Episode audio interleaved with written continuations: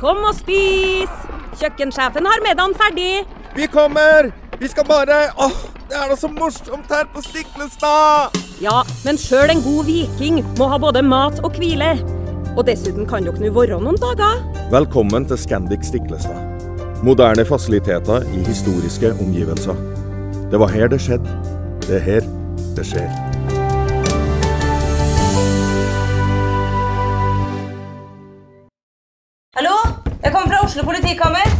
Ine Jansen er purk. Er du purk? The motherfucking bitch. Alt jeg vil, er å finne ut hva som skjedde med mannen min. Jon Carew. Er jeg sikta for noe? Iben Akeli. Det er du.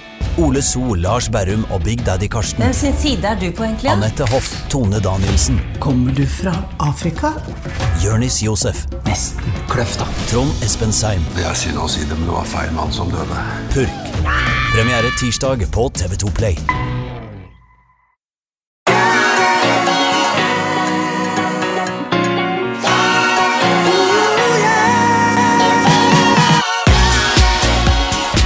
Velkommen til en ny episode av eh, Hjernesterk.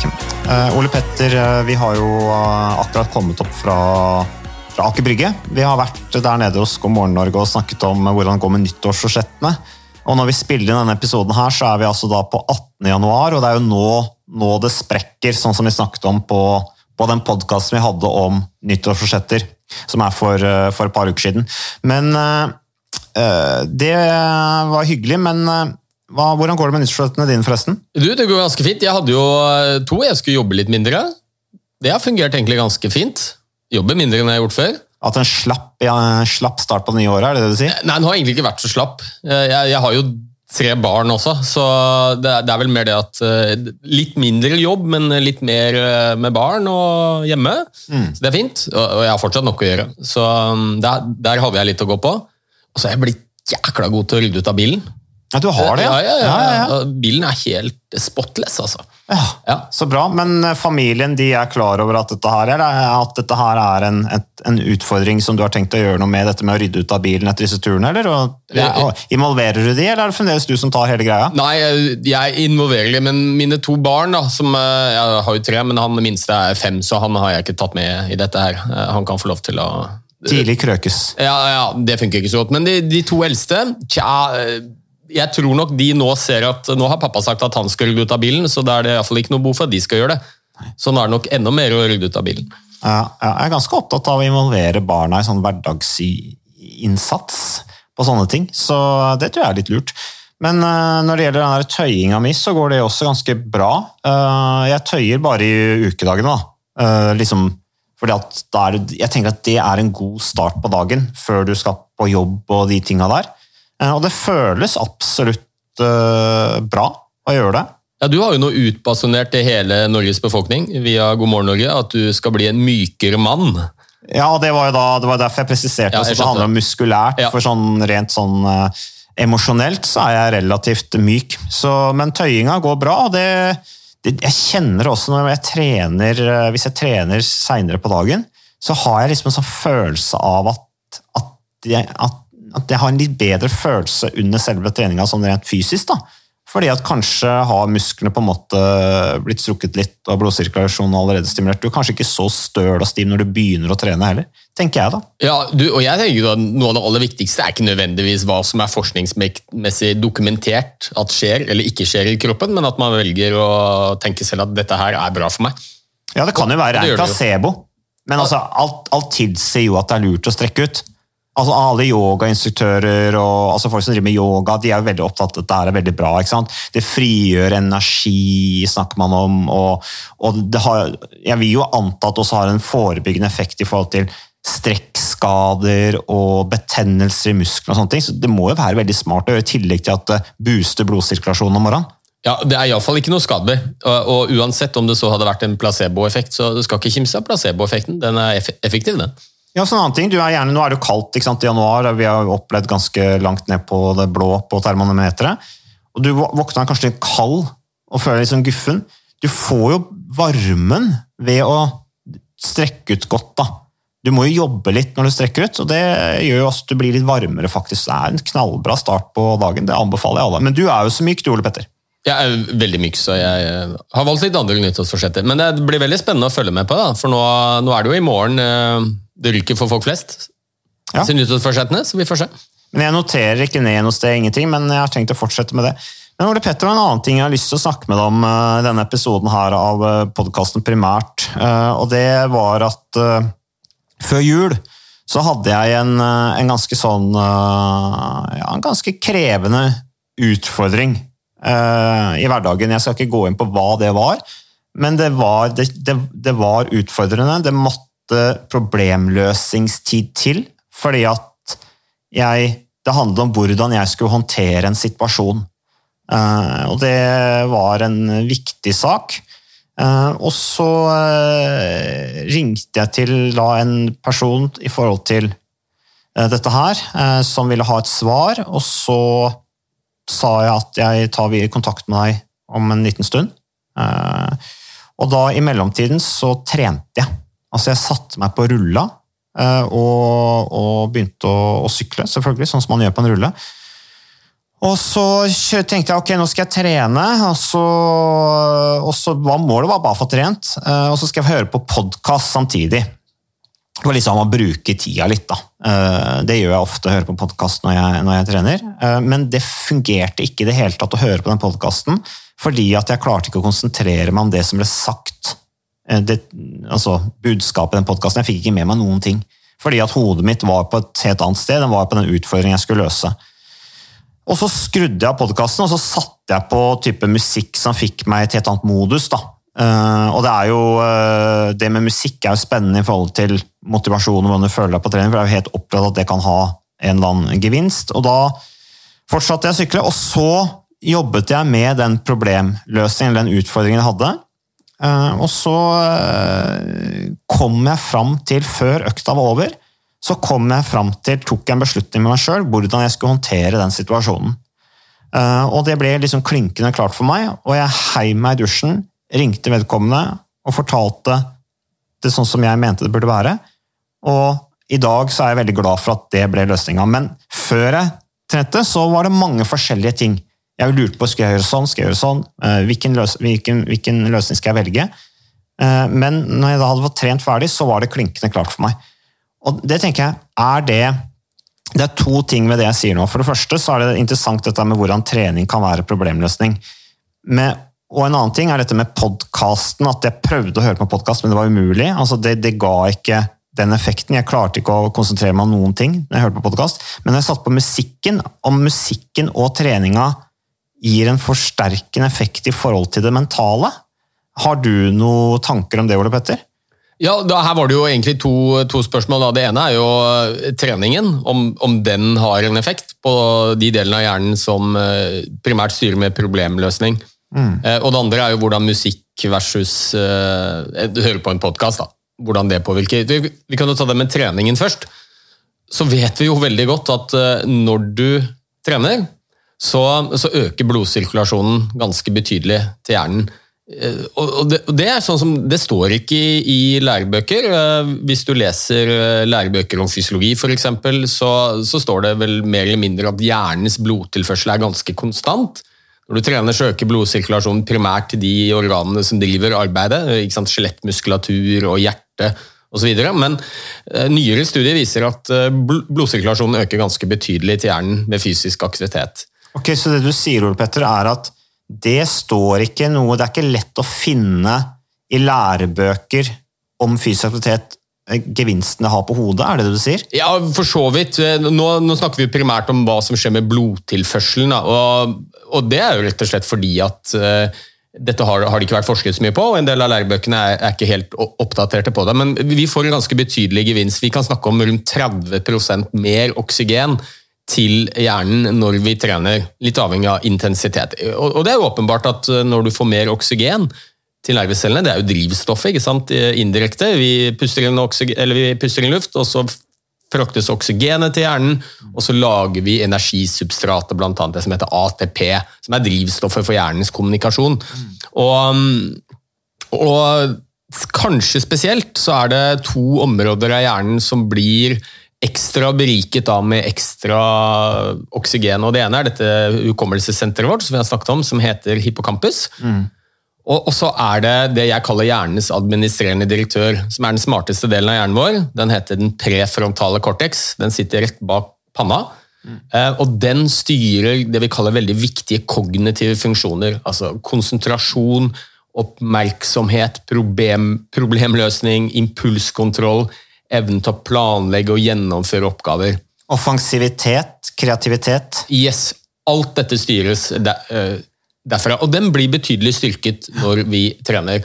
Så, så, det er en ganske god forklaring på hvorfor eh, en del eh, utfordringer vi har som kanskje kan virke vanskelig å komme med et godt svar på, sånn som du nå nevnte i det praktiske eksempelet ditt, de kan bli lettere etter at man har trent. Mm. Og, og, det er litt interessant, Jeg leste en bok av en som heter Daniel Kahneman. Han har skrevet boken 'Thinking Fast, Thinking Slow'. Jeg husker ikke helt hva han heter på norsk, men han øh, fikk nobelprisen i psykologi. Han er atferdsøkonom.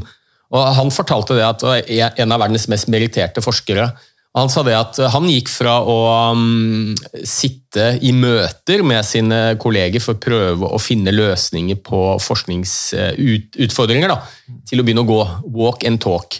Og Han sa det at eh, det var helt revolusjonerende for han. Han opplevde at han ble mye mer kreativ, mye flinkere til å se muligheter, løse problemer når han begynte å gå. Så Der gikk hele universitetsavdelingen hans. Han hadde 15 forskere han jobbet med. De, de hadde daglige sånne walk and talks, og da, og da fikk de masse gjennombrudd. Så på sånn intuitivt nå så har det nok vært kjent ganske lenge, men eh, så, så det er en eh, helt uh, håndfast ting som vi ser. da, At du, du, styrker den delen av hjernen som er viktig for disse kognitive funksjonene som vi trenger i hverdagen, bl.a. for å løse problemer. Du var jo også sitert nå i en svær eh, sånn D2-magasinet, Dagens Næringsliv-magasin, eh, for et par uker siden, eh, hvor også dette med å gå og tenke og gå og løse problemer, gå i forhold til kreativitet, også var tema. Eh, så det er, eh, det er jo heldigvis en økende interesse for det som eh, fag, tenker jeg. Og, og, og måte å drive selvhjelp på. Absolutt, ja, og det er, det er, masse spennende forskning som er gjort på dette. Blant annet så, så jeg at de, nå var det publisert en artikkel hvor de hadde sett på evnen til å lære seg språk. Mm. Og Det er jo noe vi, vi snakker mye om, spesielt liksom til den eldre garde. Hvordan kan du beskytte hjernen din best mulig mot aldersforfall? Slippe å få hukommelsestap og eventuelt utvikle demens. Og, og Det er jo det enkle svaret at bruk hjernen din mest mulig. Og gjerne utfordre deg selv til å lære deg nye ting. Så Her hadde man en gruppe godt voksne da, som skulle lære seg et nytt språk. De var engelsktalende, og så skulle de lære seg spansk. Mm. Og Så hadde de eh, delt inn i to grupper. En gruppe skulle sitte eh, bak en pult, lese glosebok og øve, sånn sett. og så var det noen andre som hadde det på øret. En slags sånn eh, ja, lydbok, da, mm. og, og, skulle gå. Gå relativt hurtig.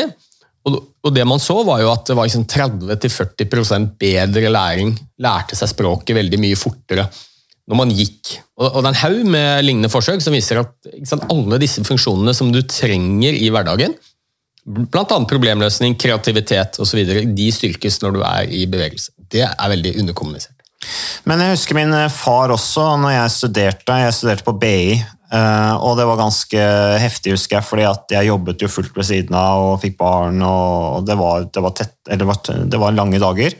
Uh, og da sa han til meg at uh, når du har lest og, og, øvd, så gå ut og så løp. Og så, og, så, repeterer du det du har lest mens du er ute og løper. Det var en teknikk han brukte som student selv, og den begynte jeg å bruke. Og det er klart, Du må jo, du har jo lyst til å dra ut og løpe eller dra ut i skogen ikke sant? og egentlig tømme hodet og ikke tenke på studier. Så det ble jo på en måte, Du måtte jo anstrenge deg litt mentalt for å gjøre det. Du måtte gjøre det som øvelse.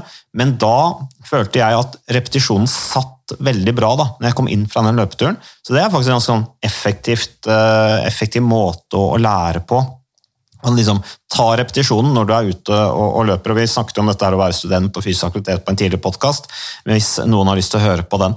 Men en annen ting, Ole Petter, som du, jeg noterte litt her, når du snakket om dette med, med, blodsirkulasjon Det er ikke sikkert du kan svare på det, eh, det jeg skal spørre om nå, men det var bare noe jeg, som plutselig slo meg. Hvis du har lave blodverdier eh, og lavt hemoglobinnivå, da er du ofte sliten. Eh, og kan det Altså hvis du da har Og det går jo på det fysiologiske, kan det også påvirke det mentale? Og ja, I aller høyeste grad. Da snakker du om det vi kaller anemi. Blodfattighet, hvor du har eh, for lavt hemoglobinnivå i blodet. Eh, Og Det er en relativt vanlig tilstand, spesielt hos eh, kvinner. Åpenbar grunn, fordi de har menstruasjon, altså menstruerende kvinner. da. Fordi man kan tape mer blod enn det man klarer å bygge opp igjen. Eh, Og Den vanligste årsaken til eh, anemi i Norge det er jernmangel. Det er for lite jern. Og, og det fører jo til en rekke eh, negative konsekvenser rent helsemessig. For det første sånn fysisk, at man opplever at man blir fortere sliten. Orker ikke like mye fysisk. Det vet jo du som er syklist. Ja. I Tour de France så er det vel kanskje ikke så mange som har anemi, men Nei, men altså, på slutten av Tour de France så skal jo blodverdien normalt ha gått ned, da, Ja. fordi at belastningen er såpass tøff. Eh, og Det er jo derfor også EPO, altså bloddoping, har blitt brukt mye i utholdende sider. Det er for å holde blodverdiene oppe. Ja. Men det kan jo også da til en viss grad stimulere det mentale. Ja, det, det, det gjør det virkelig. eh, og Vi, eh, på den høyskolen jeg jobbet, så har vi faktisk gjort noen forsøk med det, hvor man ser at det å, under kontrollerte forhold, det å gi EPO, eh, det påvirker ikke bare kroppen til å yte mer, sånn at du kan sykle fortere og løpe fortere, men det påvirker en rekke eh, hjerneprosesser også. Blant annet så har man vurdert om det kan være en behandling mot depresjon. Ja. Så svaret på det spørsmålet ja, det påvirker absolutt de fleste av hjernens funksjoner. Det å ha lav blodprosent, eventuelt jernmangel.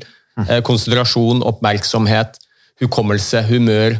Mange sover dårligere. Så absolutt. Så hvis alle hadde fått EPO da, i befolkningen, så hadde det gitt positive gevinster. Eh, Jeg tror jeg skal eh, si, si tja. Eh, Det er, jo noen, det er jo en kostnad det også, det er jo en viss risiko ved det. Men selvfølgelig sånn rent hjernemessig, ja, absolutt. Det påvirker hjernen i aller høyeste grad. Ja, interessant. Men Ole Petter, tilbake til den der opplevelsen jeg hadde før jul, hvor jeg løste et problem mens jeg satt og trente. Satt og sykla på en ergometersykkel, var det. Ja. Um, og dette her med at jeg skrudde av podkasten, for det fikk jeg ikke noe utbytte av, for jeg klarte å konsentrere meg noen ting om det, fordi at denne, dette, den problemstillingen kverna i bakgrunnen på meg, og det ville det gjort da uansett. Hvis jeg hadde hørt på en podkast i bilen, kanskje også, så ville det sikkert det samme skjedd. Men når jeg skrudde på musikk som eh, litt sånn house-musikk som jeg noen ganger liker å høre på når jeg trener, som i, i, setter meg litt sånn i modus, som jeg sa, eh, kan det Hvordan påvirker musikken? Har du noe Har du noe om eh, Hva tenker du om dette med musikk i forhold til utbytte på trening? Kan, har det positiv eller negativ effekt? Jeg vet jo at noen som jeg kjenner, liker bare å se inn i en hvit vegg eh, og sykle. Eh, og, og dette her i forhold til omgivelser når du er ute og trener, der har det også blitt gjort en del forskning på hamstere, når de bare løper rundt på et hjul i, i bare et tomt bur, eller når de løper rundt på et hjul og har, tidligere har liksom miljøet rundt seg. Men det har fremdeles mye bedre effekt enn å ikke gjøre noen ting, selv om du bare løper og ser inn i en vegg. Da. Eh, Men i forhold til dette med musikk, gjort, eh, har du gjort noen undersøkelser om det?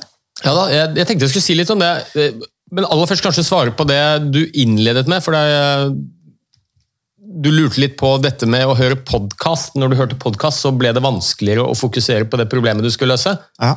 Men da du fikk musikken, så ble det noe annet. Ja.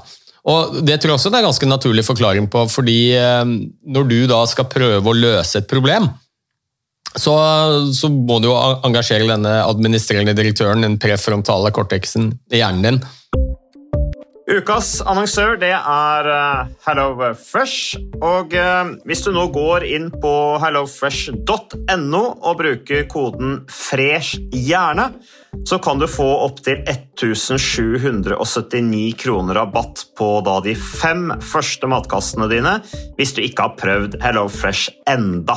Og Ole Petter, vi er jo glad i HelloFresh i podkasten Hjernesterk, eh, selvfølgelig fordi at de er en annonsør. De er med og bidrar til å spre det glade ordet om fysisk aktivitet og god helse.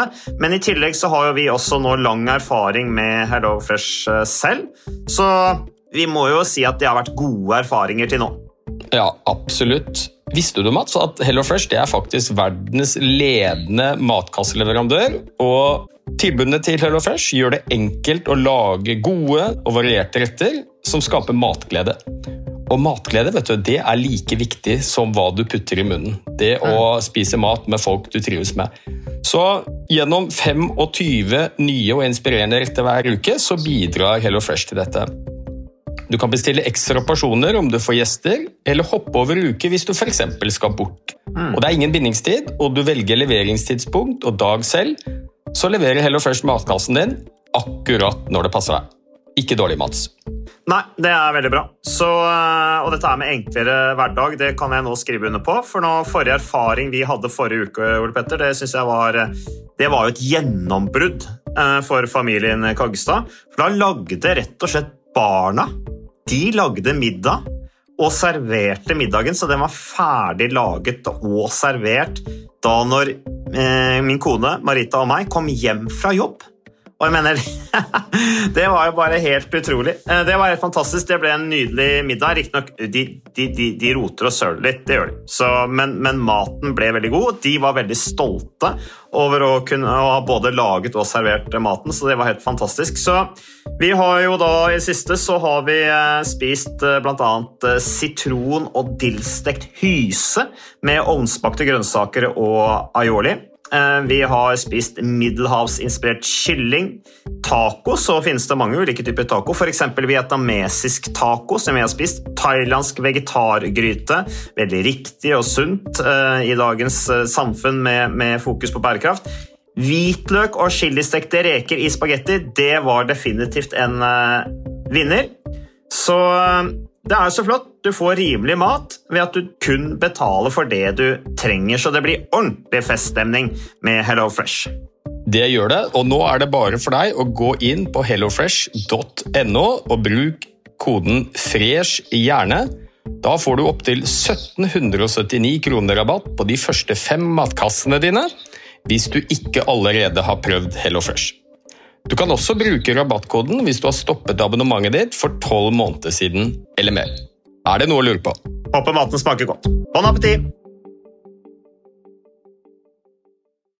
Eh, Når du samtidig skal høre på en podkast, så er jo det ting du må prøve å få med deg. og da det er jo, altså, vi har jo en helt fantastisk hjerne med en utrolig kapasitet, men allikevel så har vi problemer med å gjøre flere ting av gangen.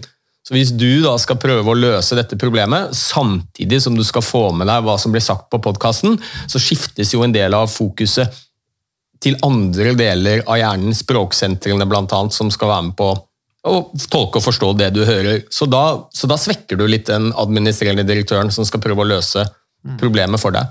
Men det er ganske annerledes når du hører på musikk. Um, og, og det er litt interessant det med musikk, for det er en sånn, faktisk blitt et område som det forskes mye på, for å se om musikk kan være både forebyggende med tanke på hjernesykdommer, og også en behandling for det. Og det tyder det virkelig på. For det viser seg nemlig det at når du, når du hører på musikk, og dette vet vi fordi vi har gjennomlyst hjernen hos levende mennesker mens de hører på musikk, så ser vi at det er utrolig mange områder i hjernen som påvirkes samtidig. Og det er alt fra hukommelsessenteret, liksom. det er jo gjerne en sang du har hørt før. Så du, du, det bringer opp minner. Vi, vi er jo ofte sånn at når vi hører en sang, så kobler vi det mot ok, det, jeg husker det, det var den sangen jeg hørte da jeg var på bryllupsreis, eller den dagen jeg fikk vite at jeg hadde, fikk A på eksamen. eller... Så det, det styrker hukommelsessenteret vårt. Og så er det selvfølgelig hørselssenter, og så er det følelser. Så det er utrolig mange områder av hjernen som blir stimulert når vi hører på musikk. Ja, for Vi kan jo begynne å grine av å høre på musikk. Ja, ja. Og Eller bli veldig glade. ikke sant? Det er, det er, noe- hvis jeg skal ha et viktig møte, eksempel, så er det jo ofte at jeg setter på da litt mer sånn kick-ass-musikk for å fyre meg opp. ja. Eh, Så også noen ganger når jeg, hvis jeg er på date med kona, hjemmedate, da, eh, og vi da hører på musikk, så er det jo gjerne musikk som eh, vekker litt følelser, og, Ja. ikke sant? sånn at du snakker om de store ting. Ja. Og så er vi litt tilbake til det prinsippet som jeg har nevnt flere ganger, som heter use it og lose it. Altså, jo flere områder av hjernen som stimuleres og brukes, jo mer styrkes de.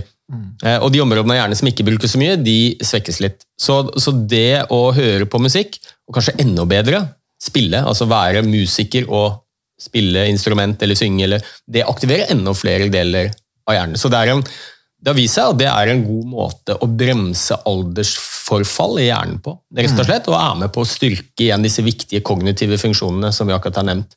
Det med musikk. og eh, I dag så har man jo begynt å bruke det litt i behandling også. Bruker det i behandling av demenspasienter, blant annet. Hvor det viser seg at det å høre på musikk det kan være med på å, å bremse forløpet av sykdommen. Altså, vi har demente som knapt husker navnet på sine kjente og kjære, men så slår du på en, en sang. Det kan være en Beatles-låt for de da som er godt voksne, som husker Beatles sin storhetstid. Og så plutselig så husker de jo. De husker jo hva sangen heter, de husker teksten. Og du ser at de begynner å huske andre ting også. Mm. Ja, det er faktisk morsomt å si, for at vi har en eh, felles bekjent, jeg og kona, som har en eh, mor som er dement og er på hjem. Eh, og det går for så vidt bare nedover, på en måte, men så der hadde de begynt å bruke musikk. Og så satte de på faktisk akkurat Beatles. Mm. Nei, det var Bee Gees var det. Bee Gees var det de satte på. Og da sang hun med. Mm. Hun kunne teksten, ja, ja. og det bare skapte en sånn voldsom begeistring og glede. Så det er fantastisk, altså, det der med, med musikk. Eh, hvordan det påvirker hjernen vår og vekker fram eh, hukommelse og i det hele tatt. Eh, så musikk og fysisk aktivitet det er vel det beste fra to verdener.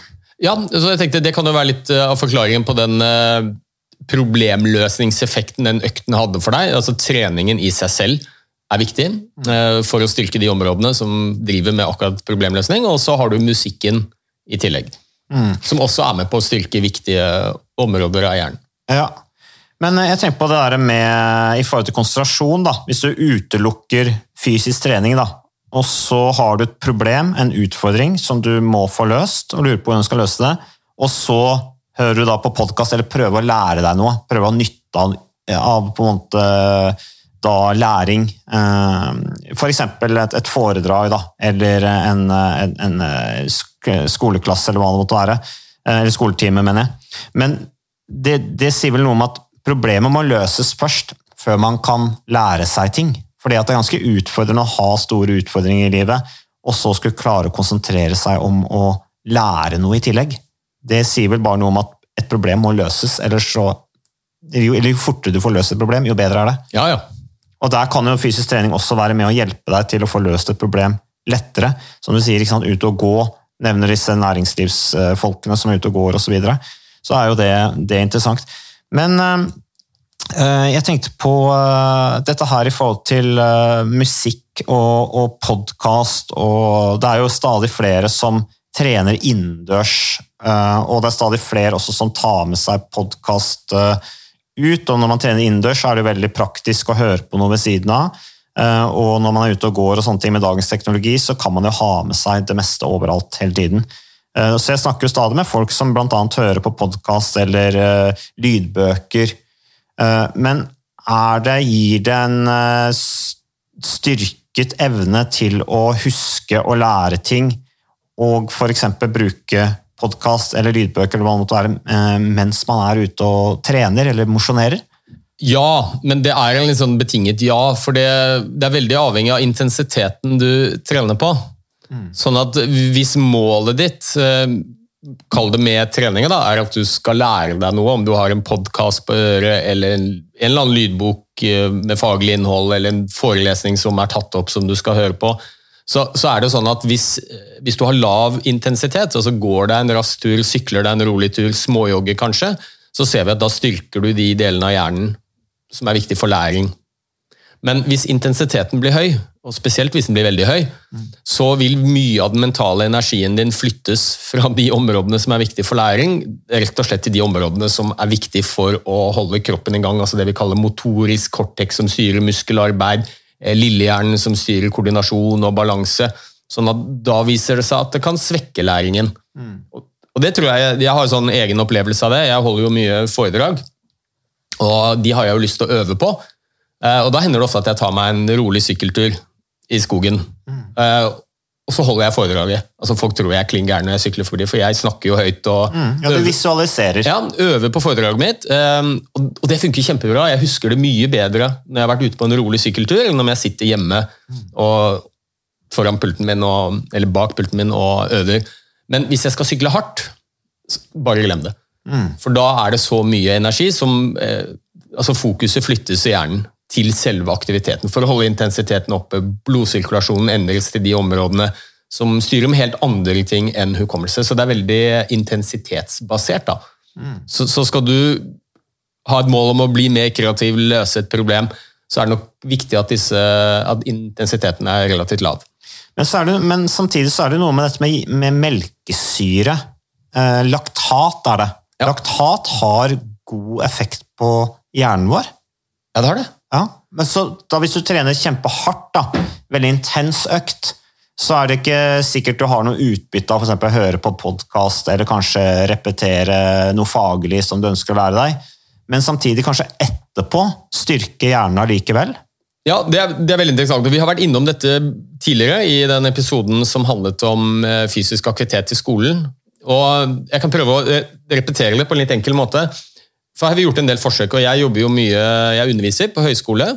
gjort det i veldig mange år, og Vi har gjort noen forsøk også, som også andre har gjort, som, som viser at det er en sånn, jeg pleier å kalle det tretrinnsrakett for læring da, eh, når det gjelder fysisk aktivitet. Eh, Og Det ene det er jo at eh, la, la oss si du er student, og så skal du på en forelesning. Og så du, har du et håp om å lære mest mulig, selvfølgelig. Og, og da er det jo viktig med konsentrasjon og oppmerksomhet. Og da vet vi at hvis du beveger deg litt i forkant av f.eks. For forelesningen, eller et viktig møte på jobben, så har du økt konsentrasjon og oppmerksomhet kanskje en time etterpå. Bare til noen få minutter med fysisk aktivitet, så du får opp pulsen litt. Vi har sett at Den nedre grensen ligger på sånn fire-fem minutter. Så en hurtig gåtur til forelesningssalen før du skal inn på forelesning. eh, Gå trapper på jobben. Da ser vi at da er du mer fokusert og konsentrert og oppmerksom. Og få med deg mer av forelesningen. Det, det, det har vi sett på. Og så er det jo to Hvis du samtidig kan lære mens du beveger deg, og det ser vi jo i skolen. ikke sant? Eh, Aktiv læring, mattestafett og norsk rebus. Så lærer man mer mens man har undervisningen. Fordi du får mer blod til viktige deler av hjernen og mer oksygen. Og så fører det til utskillelse av en del vekstfaktorer som styrker forbindelsen mellom nervecellene som skal huske. Eh, Og så er det den tredje delen hvor laktatet kommer inn. For vi vet jo at læring det handler i stor grad om å flytte data fra korttidshukommelsen til langtidsminne. Vi har veldig dårlig korttidsminne, så hvis du sitter på forelesning, og så er det noe du sy- syns er interessant, og får med deg ganske mye av det, så, så sitter det i korttidsminnet ditt. Eh, og hvis du ikke får flyttet det over til langtidsminnet, så, så blir det borte.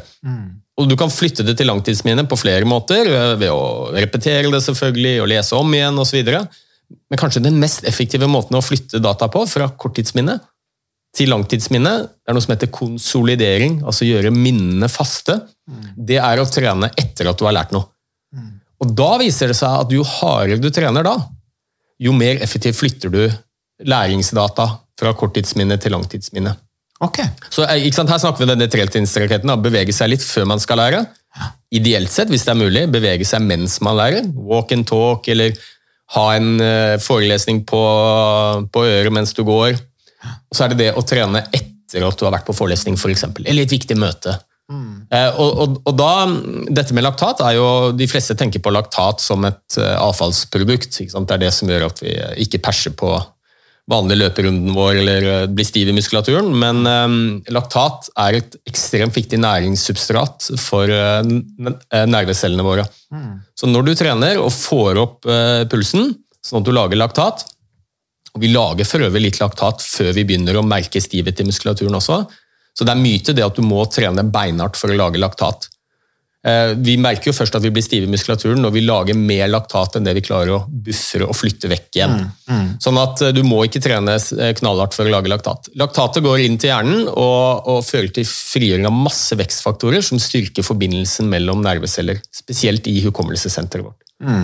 Så det er, men det primære er, liksom, det, det, er, det er blodsirkulasjonen som liksom er hele nøkkelen. Ja, det starter med det.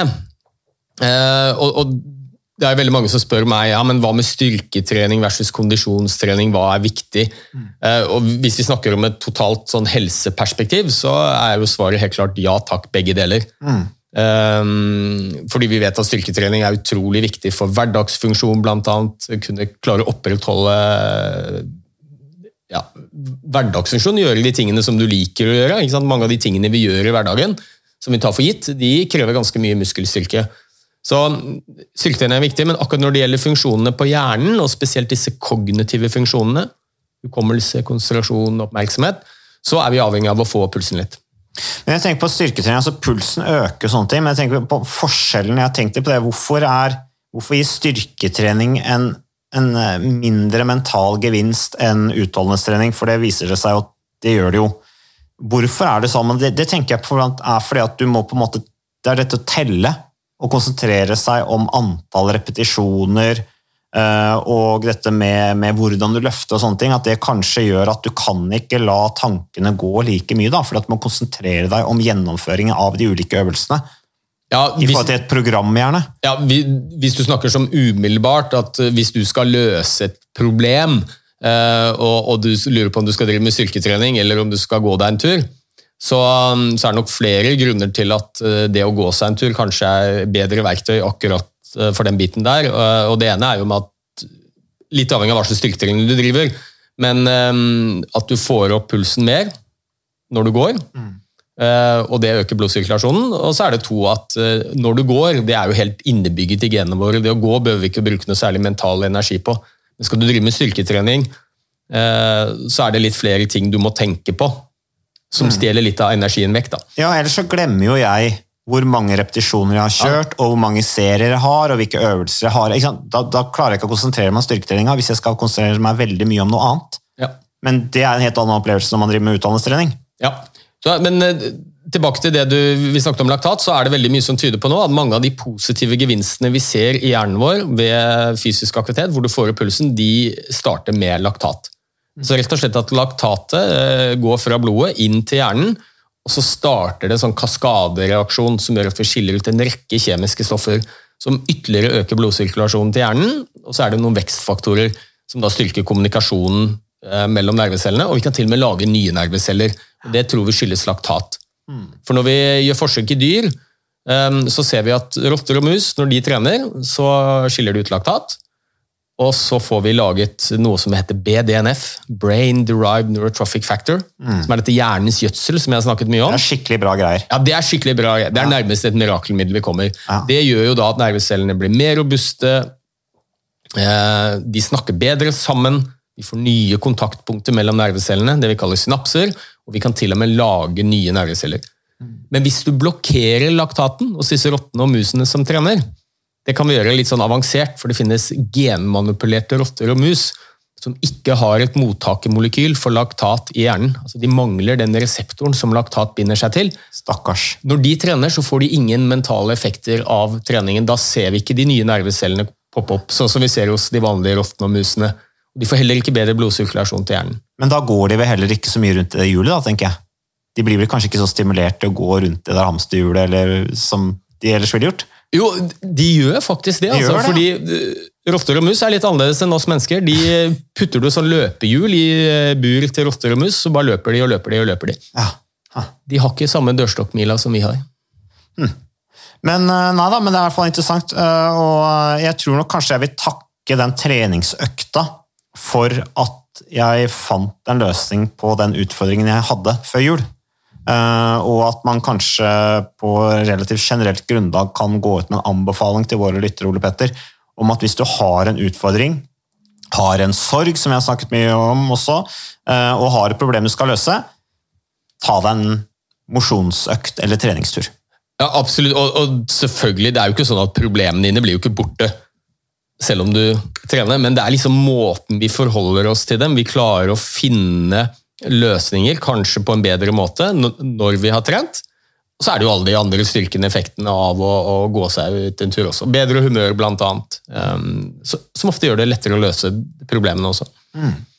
Så uh, takk for at du uh, lytta på uh, ny episode av Hjernesterk. Og så må dere gjerne sende inn spørsmål hvis dere har ting dere ønsker at vi skal ta opp via vår Instagram-konto, f.eks., som heter bare podkasten Hjernesterk. Vi har også en Facebook-side som vi bruker, en Twitter-profil. Så det er bare å sende inn spørsmål hvis dere har eh, innspill. Og så tror jeg vi bare skal si til folk at de skal fortsette å ta vare på seg sjøl, Ole Petter. Ja, det må vi, og lykke til med alle nyttårsforsettene. Takk, takk.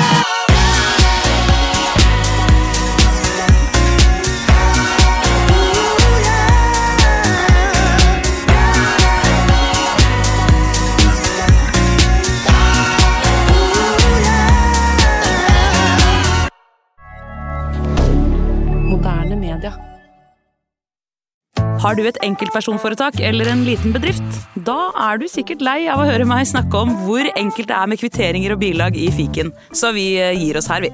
Fordi vi liker enkelt. Fiken superenkelt regnskap.